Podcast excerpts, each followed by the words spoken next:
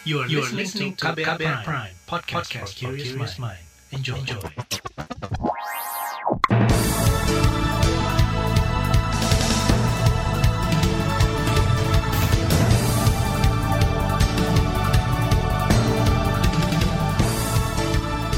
Selamat pagi saudara, senang sekali kami bisa menjumpai Anda kembali melalui program Buletin Pagi edisi Rabu 3 Maret 2021 bersama saya Naomi Liandra.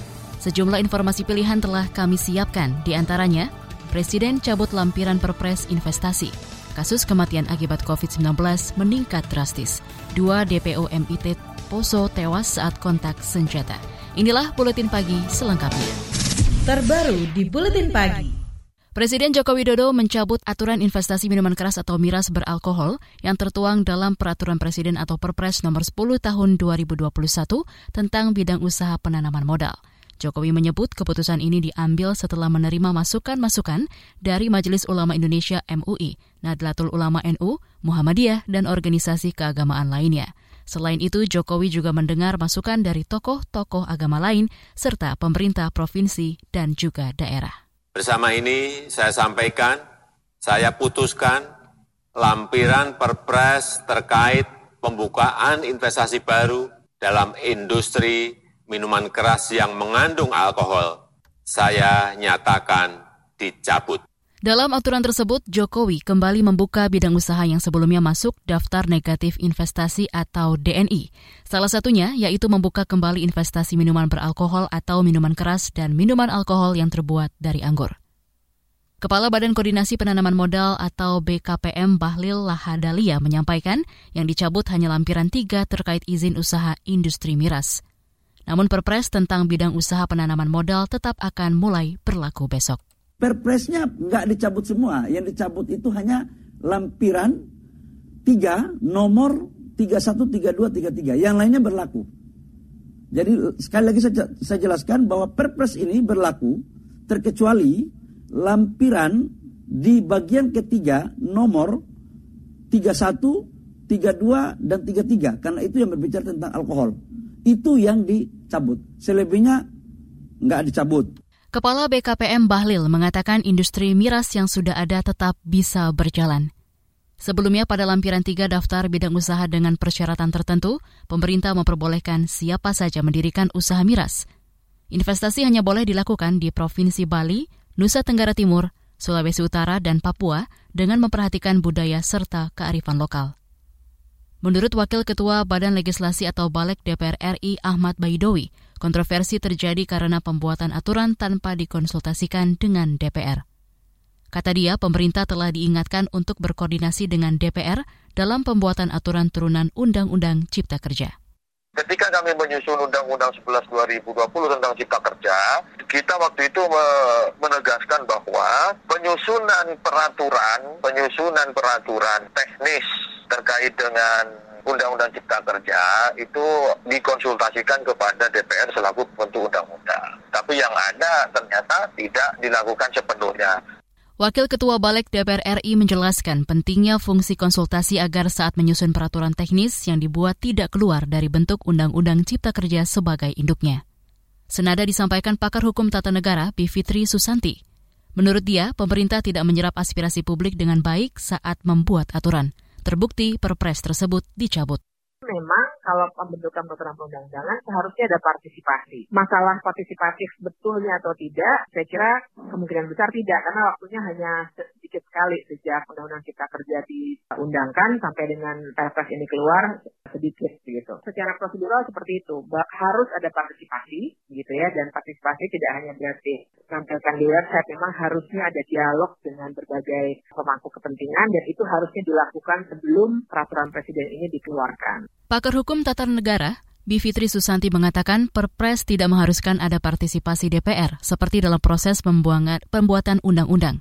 Meski begitu menurut dia, dalam pembentukan semua jenis perundang-undangan seharusnya melibatkan partisipasi masyarakat. Kasus kematian akibat COVID-19 meningkat drastis. Informasinya akan hadir usai jeda, tetaplah di Buletin Pagi KBR. You're listening to KBR Pride, podcast for curious mind. Enjoy!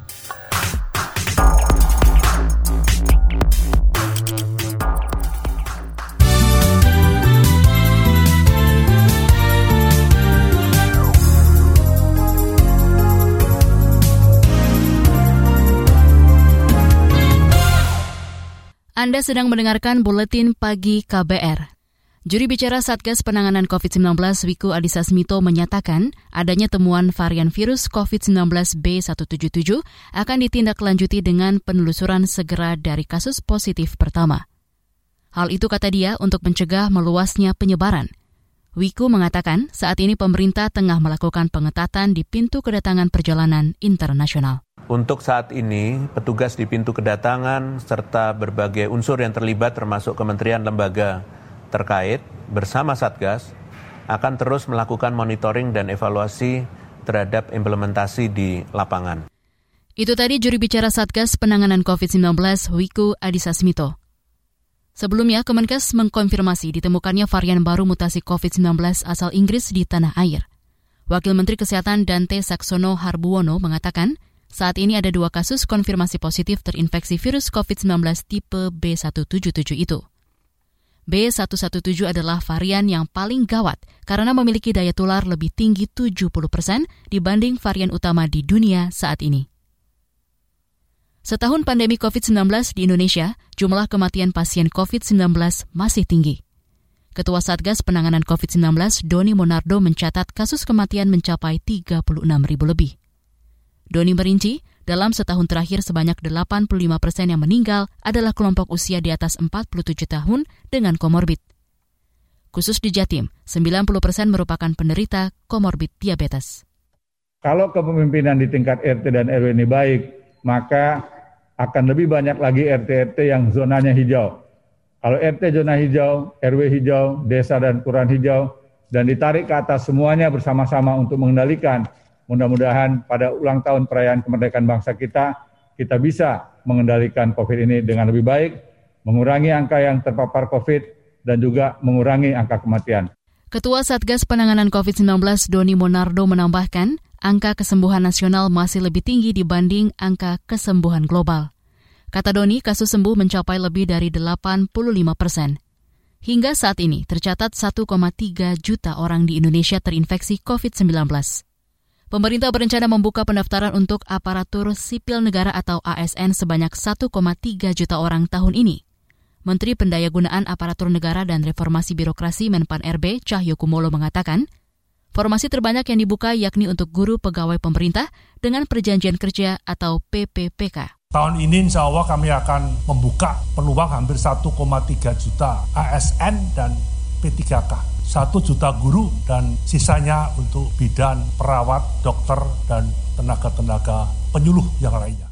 Menpan RB Cahyo Kumolo menambahkan, formasi itu masih bisa menyesuaikan dengan kebutuhan kementerian dan lembaga yang ada.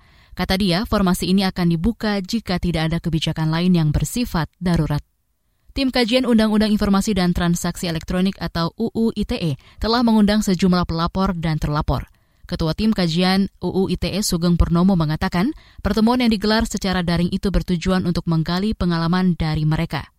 Kata dia, tim juga ingin mengetahui apa yang mereka rasakan saat proses hukum berjalan. Dari sesi tersebut, baik pelapor maupun terlapor memberikan masukan agar ada revisi terhadap sejumlah pasal yang dinilai karet. Secara khusus kami mendapatkan satu gambaran bahwa dari berbagai narasumber khususnya di sesi kedua dari kelompok pelapor maupun terlapor ada masukan-masukan terkait dengan revisi beberapa pasal. Pasal-pasal yang paling disorot disebutkan adalah pasal 27, pasal 28 di antaranya yang perlu mendapat kejelasan penormaannya dan implementasinya. Itu tadi Ketua Tim Kajian UU ITE Sugeng Purnomo. Pertemuan tersebut dihadiri beberapa nama yang sebelumnya terseret kasus dugaan pelanggaran atas Undang-Undang ITE. Dari klaster terlapor di antaranya ada komika Bintang Emon, pendiri Wakdok Dendi Dwi Laksono, hingga guru honorer di SMA Negeri 7 Mataram Baik Nuril. Sementara beberapa dari klaster pelapor yaitu Ade Armando dan Muanas Al-Aidid. Tim ini akan menghasilkan rekomendasi implementasi dan rekomendasi perlu tidaknya undang-undang ini direvisi. Tugas tim ini akan berakhir pada 22 Mei mendatang. Tim identifikasi korban bencana DVI Rumah Sakit Keramat Jati Polri Jakarta mengidentifikasi satu korban kecelakaan Sriwijaya Air SJ182. Juri bicara Mabes Polri Rusdi Hartono mengatakan korban terakhir yang diidentifikasi bernama Razana. Dengan tambahan ini, 59 korban telah diidentifikasi, sedangkan tiga korban hingga kini belum teridentifikasi. Yaitu korban pertama atas nama Arkanah Nadib Wahyudi. Ini laki-laki berumur 7 bulan. Kemudian korban yang kedua atas nama Dania, ini perempuan berumur 2 tahun. Kemudian korban yang ketiga atas nama Panca Widya Nursanti, ini perempuan berumur 46 tahun. Juru bicara Mabes Polri Rusdi Hartono mengatakan seluruh korban telah diserahkan kepada pihak keluarga. Pada 9 Januari lalu, pesawat Sriwijaya Air dengan nomor penerbangan SC-182 jatuh di perairan Kepulauan Seribu. Dari hasil investigasi, dari hasil investigasi sementara, Komite Nasional Keselamatan Transportasi atau KNKT pesawat jatuh dalam kondisi mesin masih hidup. Kita ke informasi ekonomi. Badan Koordinasi Penanaman Modal atau BKPM menargetkan investasi di Indonesia tahun ini mencapai 5,9 kuadriliun rupiah atau 5.900 triliun rupiah. Deputi Pengembangan Iklim Penanaman Modal BKPM Julio Tanjung mengatakan target itu diperlukan untuk memperbaiki kondisi perekonomian di Indonesia untuk tahun 2021 ini Bapak Ibu kita memerlukan investasi sekitar 5.800 sampai 5.900 triliun untuk mencapai pertumbuhan perekonomian 5 persen. Tentu uh, dengan pertumbuhan ini kita tidak hanya di pemerintah pusat, tetapi ini bagaimana kemudahan berusaha dilakukan di daerah. Deputi Pengembangan Iklim Penanaman Modal BKPM Julio Tanjung mengatakan, pertumbuhan perekonomian 5 persen diperlukan untuk mendukung target Indonesia Emas pada tahun 2040-an mendatang. Untuk mencapai target itu, kata dia, perlu ada perbaikan kemudahan berusaha di Indonesia. Kita ke mancanegara. Tiga demonstran anti kudeta militer kritis akibat tertembak pasukan keamanan Myanmar. Pasukan keamanan Myanmar dilaporkan menebaki pengunjuk rasa di wilayah Kale kemarin. Dikutip dari AFP, salah satu petugas medis mengatakan selain tiga orang kritis, ada sekitar 20 orang terluka dalam tindakan keras oleh polisi dan tentara di Kale. Menurut dia, polisi awalnya menembakkan gas air mata dan peluru karet untuk membubarkan pendemo. Myanmar telah menghadapi protes massal yang menuntut pembebasan pemimpin sipil Aung San Suu Kyi yang kini ditahan militer. Sebagai tanggapan, pihak berwenang terus meningkatkan penggunaan kekuatan, gas air mata, meriam air, peluru karet hingga peluru tajam. Minggu lalu menjadi hari paling berdarah sejak kudeta berlangsung pada 1 Februari. PBB mengatakan sedikitnya 18 pengunjuk rasa tewas dalam unjuk rasa hari itu. Kantor HAM PBB juga menyatakan mereka mencatat ada sekitar seribu orang yang ditangkap aparat dalam unjuk rasa pada minggu kemarin. Sekretaris Jenderal PBB Antonio Guterres mengecam keras sikap aparat Myanmar yang menggunakan peluru tajam untuk menghadapi demonstrasi. Kita beralih ke informasi olahraga. Juara turnamen pramusim Piala Menpora 2021 akan mendapatkan hadiah berupa uang sebesar 2 miliar rupiah. Kepastian itu diungkapkan langsung Direktur Utama LIB, Ahmad Hadian Lukita, seperti dikutip dari cnnindonesia.com. Hadian Lukita melanjutkan, beberapa pertimbangan dilakukan sebelum memutuskan nominal hadiah Piala Menpora 2021, termasuk mendengarkan masukan-masukan dari klub-klub peserta. Piala Menpora 2021 merupakan turnamen pramusim jelang Liga 1 2021 yang akan dimulai pada 20 Maret hingga 25 April 2021. Turnamen ini juga akan diikuti 18 tim Liga 1. PT LIB menyebut undian atau drawing Piala Menpora 2021 akan digelar pekan depan. Informasi dari daerah akan kami sajikan usai jeda, tetaplah di Buletin Pagi KBR. You're listening to KBR Pride, podcast for curious mind. Enjoy!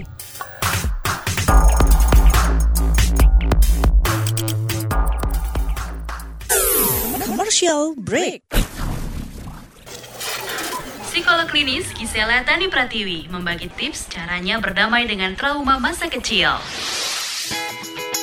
Uh, ayah atau ibu saya mengata-ngatai saya dengan kalimat tertentu. Misalnya kamu bodoh, misalnya katakan gitu ya. Itu terngiang terus sama saya, itu dampak emosinya apa ke saya?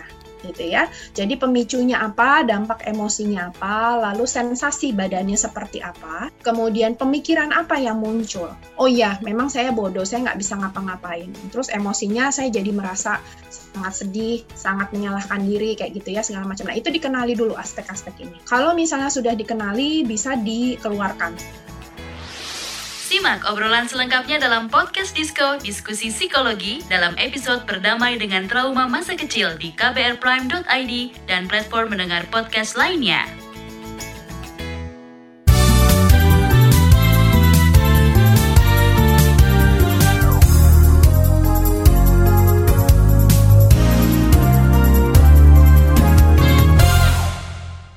Inilah bagian akhir buletin pagi KBR. Gunung Sinabung di Kabupaten Karo, Sumatera Utara erupsi hari ini. Abu vulkanik erupsi gunung berapi itu mulai berdampak ke wilayah Provinsi Aceh. Kepala Seksi Data BMKG kelas 1 Belang Bintang, Zakaria, memaparkan berdasarkan foto satelit debu vulkanik berdampak di Kabupaten Aceh Tenggara dan Kabupaten Aceh Selatan. Dari arah angin itu, nampak dari satelit uh, debu vulkanik sudah mulai uh, memasuki tadi pagi hanya di uh, Kabupaten Aceh Tenggara. Uh, Aceh Tenggara. Kemudian di pada jam 12 barusan terlihat sudah memasuki juga ke wilayah uh, Aceh uh, Selatan. Sudah mulai terpapar Aceh Selatan.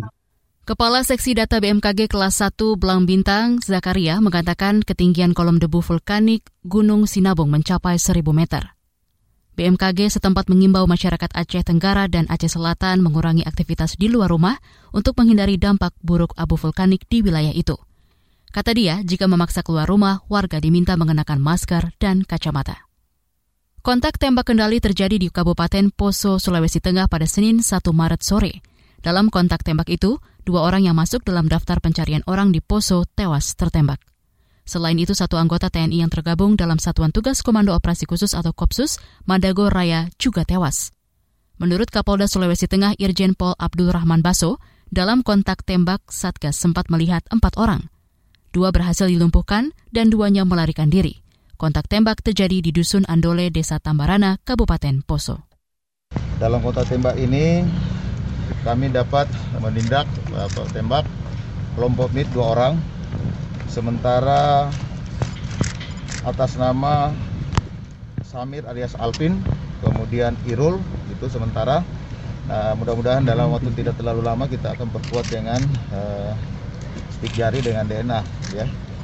Kemudian uh, pada kontak tembak tersebut telah gugur salah satu prajurit terbaik kita TNI atas nama Bara, uh, Praka Ade Irwan uh, Irwan, Dedi Irwan, Dedi Rawan, sekalian. Kini operasi yang berganti Sandi dari Tinombala menjadi Madagoraya masih melakukan pencarian pada sisa DPO yang masuk dalam kelompok Muhajidin Indonesia Timur. Dengan tewasnya dua DPO, kini jumlah kelompok MIT ini berjumlah sembilan orang. Operasi Madagoraya pun masih difokuskan di Kabupaten Poso, Sulawesi Tengah. Taruna Tanggap Bencana atau Tagana Kabupaten Banyumas, Jawa Tengah menanam mangrove di daerah aliran Sungai Ijo, Sungai Gatel, Desa Nusadadi, Kecamatan Sumpiu.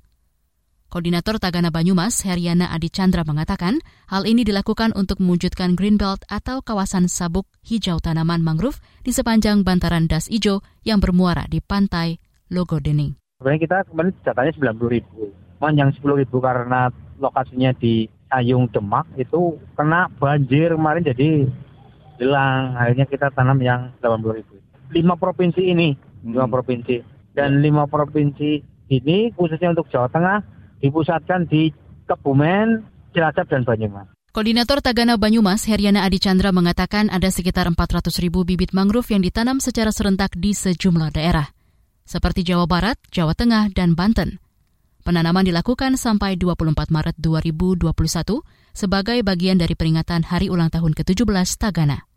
Kata dia, penanaman mangrove ini salah satu upaya mitigasi ancaman bencana tsunami di selatan Jawa. Informasi tadi menutup jumpa kita di Buletin Pagi hari ini. Pantau juga informasi terbaru melalui kabar baru, situs kbr.id, Twitter kami di akun @beritaKBR, serta podcast di alamat kbrprime.id. Akhirnya, saya Naomi Liandra Bersama tim yang bertugas undur diri. Salam.